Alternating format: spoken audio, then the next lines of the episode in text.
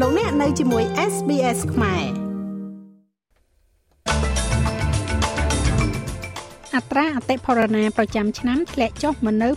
6%មេធាវីក្រុងស៊ីដនីម្នាក់ស្ថិតក្នុងស្ថានភាពធ្ងន់ធ្ងរក្នុងមន្ទីរពេទ្យបន្ទាប់ពីត្រូវបានគេបាញ់នៅខាងក្រៅផ្ទះត្រីបាឡែនយ៉ាងហោចណាស់51ក្បាលបានងាប់បន្ទាប់ពីជាប់គាំងនៅឆ្នេរសមុទ្រក្នុងរដ្ឋអូស្ត្រាលីខាងលិច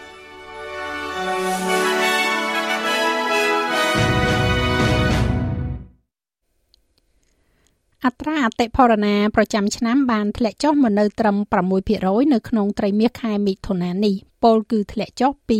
7%នៅក្នុងខែមិនិនាការិយាល័យស្ថិតិបានបញ្ជាក់ពីសន្ទុះតម្លៃទំនិញប្រើប្រាស់ CPI បានកើនឡើង0.8%នៅក្នុងត្រីមាសខែមិថុនាលទ្ធផលបញ្ជាក់ថាថ្លៃទំនិញនៅតែឡើងថ្លៃប៉ុន្តែមិនលឿនដូចមុនទេ អ្នករួមចំណែកដ៏ធំបំផុតចំពោះការកើនឡើងនេះគឺថ្លៃជួលផ្ទះសម្បែងដែលបានកត់ត្រាការកើនឡើងខ្លាំងបំផុតប្រចាំត្រីមាសចាប់តាំងពីឆ្នាំ1988មកការធ្វើដំណើរនិងការស្នាក់នៅក្នុងពេលវិស្សមកាលនៅបរទេសសេវាកម្មហិរញ្ញវត្ថុផ្សេងទៀតនិងការទិញលំនៅឋានថ្មីដើម្បីរស់នៅក៏បានរួមចំណែកដល់លទ្ធផលត្រីមាសខែមិថុនានេះផងដែរ។ តួលេខប្រចាំឆ្នាំដែលបានធ្លាក់ចុះនេះបង្ហាញថាការដំឡើងអត្រាការប្រាក់ចំនួន12លើករបស់ធនាគារកណ្ដាលបាននឹងកំពុងធ្វើឲ្យអតិផរណាធ្លាក់ចុះ ABA នឹងជួបប្រជុំគ្នាម្ដងទៀតនៅថ្ងៃអង្គារសប្តាហ៍ក្រោយដើម្បីសម្រេចអត្រាការប្រាក់ បុរសក្រុងស៊ីដនីម្នាក់ស្ថិតនៅក្នុងស្ថានភាពធ្ងន់ធ្ងរនៅក្នុងមន្ទីរពេទ្យបន្ទាប់ពីត្រូវបានគេបាញ់នៅខាងក្រៅផ្ទះរបស់លោកនៅ Green Egg នៅក្នុងអ្វីដែលប៉ូលីសជឿថាជាការវាយប្រហារចំគោលដៅបុរសរូបនេះត្រូវបានគេកំណត់អត្តសញ្ញាណថាជាមេធាវីការពារក្តីប្រមទ័នកម្រិតខ្ពស់លោក Mamour Abbas លោក Abbas មានអាយុ31ឆ្នាំ បានតំណាងឲ្យអតិថិជនដែលមានកេរ្តិ៍ឈ្មោះខ្ពស់ ល្បីៗជាច្រើនរូបរួមទាំងសមាជិកនៃកោសិកាភេរវករដែលត្រូវបានបំផុសគំនិតដោយ IS ដែលត្រូវបានចោទប្រកាន់ពីបទរៀបចំផែនការបំផ្លាញទីកត់សម្គាល់ក្នុងទីក្រុងស៊ីដនី និងអតីតអភិបាលក្រុង Urban លោក Salim Mahathir ដ៏ចម្រូងចម្រាសផងដែរ លោកក៏បានតំណាងឲ្យក្រុមអ ுக ្រិតជនក្រុងស៊ីដនីរួមទាំង Ahmed Jabir នៅក្នុងការកាត់ក្តីរបស់លោកជំវិញការធ្វើឃាតកម្ម Kemal Karakat អ្នកស្រុកម្នាក់ដែលរស់នៅក្នុងភូមិសម្រាប់អ្នកចូលនិវត្តន៍ឬយើងហៅថា retirement village នៅក្នុងតំបន់ជនបទនៃរដ្ឋ Victoria បានស្លាប់បន្ទាប់ពីមានអគ្គិភ័យបានឆាបឆេះឡើង។ ប៉ូលីសកំពុងស៊ើបអង្កេតករណីអគិភ័យដែលបានឆាបឆេះផ្ទះយូនីត2ខ្នងនៅ Royal Parade នៅតំបន់ Kilmore វេលាម៉ោង6ព្រឹកថ្ងៃពុធនេះអធិការស្ដីទីប៉ូលីសរដ្ឋ Victoria គឺលោកស្រី Jamie Carler មានប្រសាសន៍ថាប៉ូលីសកំពុងធ្វើការស៊ើបអង្កេតកន្លែងកើតហេតុប៉ុន្តែមូលហេតុនៃការឆេះនេះនៅមិនទាន់ត្រូវបានកំណត់នៅឡើយទេ។ Sadly today I need to report that we have had one គួរឲ្យស្ដាយណាស់នៅថ្ងៃនេះខ្ញុំសូមរាយការណ៍ថាយើងមានបរិះចំណាស់ម្នាក់បានស្លាប់ដោយភ្លើងឆេះផ្ទះនៅ Kilmore នៅក្នុងភូមិចូលនិវត្តន៍មួយកន្លែង ហេតុការណ៍នេះបានកើតឡើងនៅម៉ោងប្រហែលជា6:20នាទីព្រឹកនេះសេវាសង្គ្រោះបន្ទាន់បានទៅដល់កន្លែងកើតហេតុយ៉ាងរហ័សហើយបានគ្រប់គ្រងការជំនះមនុស្សប្រហែលជា40នាក់ចេញពីតំបន់នោះដើម្បីធ្វើឲ្យប្រកាសថាគ្មាននរណាម្នាក់មានបញ្ហាអ្វីផ្សេងទៀតទេក៏ប៉ុន្តែជាអកុសលមានមនុស្សម្នាក់ដែលមិនអាចចេញពីផ្ទះដែលឆេះនោះបានត្រីបាឡែនយ៉ាងហោចណាស់51ក្បាលបានងាប់បន្ទាប់ពីបានជាប់គាំងនៅឯឆ្នេរ Chen Beach នៅក្នុងរដ្ឋអូស្ត្រាលីខាងលិចប្រតិបត្តិការជួយសង្គ្រោះបានបន្តនៅព្រឹកថ្ងៃទី26ខែកក្កដានេះនៅក្នុងការប៉ុនប៉ងជួយសង្គ្រោះត្រីដែលនៅសេសសល់46ក្បាលដែលនៅជាប់នៅក្នុងចម្ងាយប្រមាណជា100ម៉ែត្រពីឆ្នេរសមុទ្រនេះនៅភាគខាងកើតអាល់បានីអ្នកវិទ្យាសាស្ត្រខាងសត្វព្រៃដុកទ័រ Vanessa Pirotti បានប្រាប់បណ្ដាញទូរទស្សន៍ប៉ូលីស7ថាអស់ពេលហើយ So we don't actually know why they do it ដូច្នេះយើងពិតជាមិនដឹងថាហេតុអ្វីបានជាពួកគេធ្វើវានោះទេប៉ុន្តែក្នុងករណីនេះជាមួយនឹងសត្វទាំងនេះចាប់តាំងពីពេលដែលពួកវាជាប់គាំងត្រនិចនេលកាគឺចាប់ផ្ដើមលោតហើយវាពិតជាពេលវេលាដែលសត្វទាំងនេះត្រូវការជំនួយប្រសិនបើមានការដឹកជញ្ជូនឬក៏ធនធានហើយជាអកុសលជាមួយនឹងព្រឹត្តិការណ៍បែបនេះយើងឃើញការបាត់បង់ជីវិតនៅក្រៅប្រទេសឯណោះវិញ ក្រមមន្ត្រីចិនបានដករដ្ឋមន្ត្រីការបរទេសលោកឈីងកាង ចេញពីតួនាទីហើយជំនួសអ្នកថ្មីជំនួសវិញវាកើតឡើងបន្ទាប់ពីមានប្រតិកម្មពីបរទេសប្រឆាំងទៅនឹងគោលនយោបាយការបរទេសដែលកាន់តែឈ្លានពានរបស់ចិនដែលលោកឈីងគឺជាអ្នកគ្រប់គ្រងដ៏សំខាន់ម្នាក់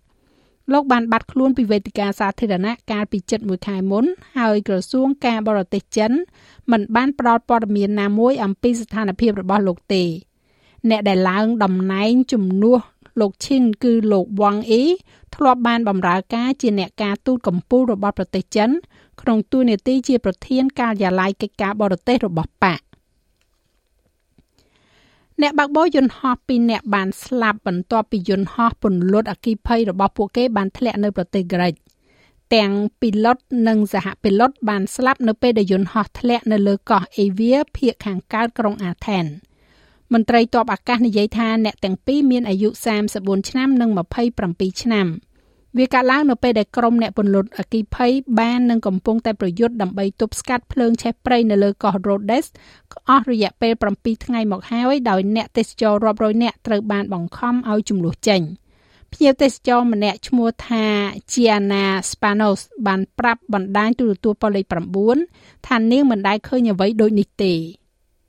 I feel so sad because I was born here ខ្ញុំមានអារម្មណ៍សោកស្ដាយណាស់ព្រោះខ្ញុំបានកើតនៅទីនេះខ្ញុំស្រឡាញ់កន្លែងនេះខ្ញុំស្រឡាញ់ភូមិនេះដូច្នេះហើយបានជាខ្ញុំបន្តត្រឡប់មកវិញនៅថ្ងៃឈប់សម្រាកដូច្នេះពេលខ្ញុំឃើញរឿងនេះហើយខ្ញុំខូចចិត្តណាស់ ក្រុមហ៊ុនមេតាដែលជាក្រុមហ៊ុនមេរបស់ Facebook ត្រូវបានបញ្ជាឲ្យបង់ប្រាក់ពិន័យចំនួន20លានដុល្លារជំវិញការប្រមូលទិន្នន័យនៅលើកម្មវិធីបណ្ដាញឯកជន Onavo Protect គណៈកម្មការប្រកួតប្រជែងនឹងអ្នកប្រើប្រាស់អូស្ត្រាលីហៅកាត់ថា ACCC បានប្តឹងក្រុមហ៊ុន Meta ទៅកាន់តុលាការនៅឆ្នាំ2020ទៅលើកម្មវិធី App នេះ ទាំង Meta និង ACCC បានយល់ស្របថា Meta បានបំពានច្បាប់អ្នកប្រើប្រាស់អូស្ត្រាលីចន្លោះឆ្នាំ2016និង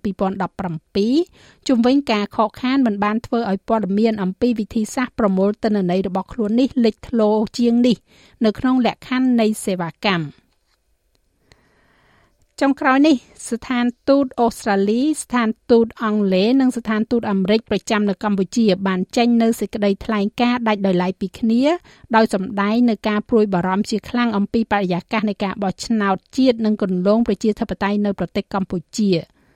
សេចក្តីប្រកាសរបស់ស្ថានទូតទាំងនេះបានធ្វើឡើងដាច់ដោយឡែកពីគ្នាចេញផ្សាយកាលពីថ្ងៃច័ន្ទគឺមួយថ្ងៃក្រោយការបោះឆ្នោតសកលជ្រើសតាំងតំណាងរាស្ត្រអាណត្តិទី7នៅប្រទេសកម្ពុជា។ សេចក្តីប្រកាសរបស់ស្ថានទូតអូស្ត្រាលីបង្ហាញថានៅមុនការបោះឆ្នោតមានការដកសិទ្ធិចូលឈ្មោះបោះឆ្នោតគណៈបកប្រឆាំងដ៏សំខាន់មួយក៏ដូចជាការដាក់សម្ពាធលើប្រព័ន្ធផ្សព្វផ្សាយឯករាជ្យនិងសង្គមស៊ីវិលជាដើមសកម្មភាពទាំងនេះមិនអាចឲ្យប្រជាជនកម្ពុជាទទួលបាននូវព័ត៌មានបញ្ចេញមតិរបស់ពួកគេដោយសេរី និងមានជំរើសពិតប្រាកដពីរបៀបដែលពួកគេត្រូវបានដឹកនាំនោះទេ។ ចាស់ឲ្យលោកមេងផល្លានឹងជូនសេចក្តីរាយការណ៍លម្អិតនៅវគ្គក្រោយទៀតឬលោកអ្នកអាចចូលស្ដាប់របាយការណ៍ពេញលើ sbs.com.au/ ខ្មែរ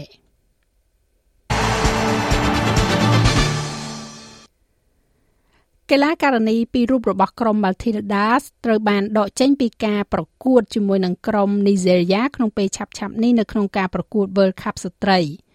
Football Australia និយាយថាតារាឆ្នើម Mary Fowler និងខ្សែការពារជើងចាស់ Ivy Luke ទាំងពីរអ្នកនេះបានរងរបួសស្រាលក្នុងឧបទ្ទហេតុដាច់ដោយឡែកនៅពេលវឹកហាត់ហើយខណៈពេលដែលពួកគេទាំងពីរបានជាសះស្បើយពេញលេញហើយនោះពួកគេនៅតែមិនអាចលេងបានក្រោមពិធីការនៃការប៉ះទង្គិច។ វាគឺជាការខកចិត្តដ៏ធំមួយសម្រាប់ក្រុម Matildas ដែលឥឡូវនេះគ្មានខ្សែប្រយុទ្ធរហូតដល់ទៅ3នាក់គឺប្រធានក្រុម Sam Kerr, Kyan Simon និង Fowler ដោយទុកឲ្យ Kathleen Ford គឺជាខ្សែប្រយុទ្ធដែលត្រូវបានគេទទួលស្គាល់តែម្នាក់គត់សម្រាប់ការប្រកួតជាមួយនឹងក្រុមអាហ្វ្រិកនេះ។ នៅក្នុងនាមជាក្រុមតែមួយគត់នៅក្នុងពូល B ដែលមាន3បន្ទុកពីការប្រកួតបើកឆាករបស់ពួកគេនោះអូស្ត្រាលីអាចឈានទៅវគ្គបន្តជាមួយនឹងជ័យជំនះទៅលើក្រុមនីហ្សេរីយ៉ាដែលមានមួយបន្ទុករហូតមកទល់នឹងពេលនេះចំណែកឯអត្រាប្តូរប្រាក់វិញ1ដុល្លារអូស្ត្រាលីមានតម្លៃប្រមាណជា67សេនកន្លះដុល្លារអាមេរិកត្រូវនឹងជិត2800រៀលប្រាក់រៀលខ្មែរ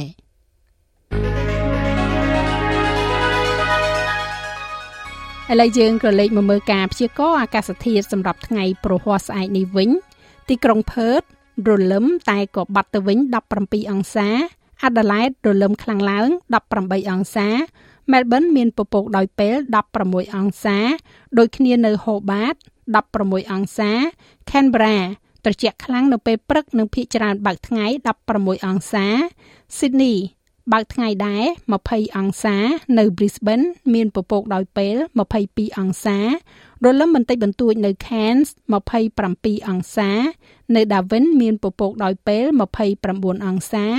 និងនៅទីក្រុងភ្នំពេញមានផ្គររន្ទះរាយប៉ាយ33អង្សា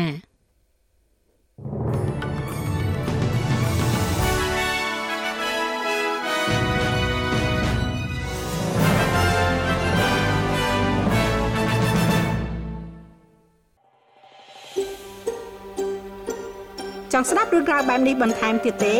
ស្ដាប់នៅលើ Apple Podcast Google Podcast Spotify ឬកម្មវិធីដទៃទៀតដែលលោកអ្នកមាន។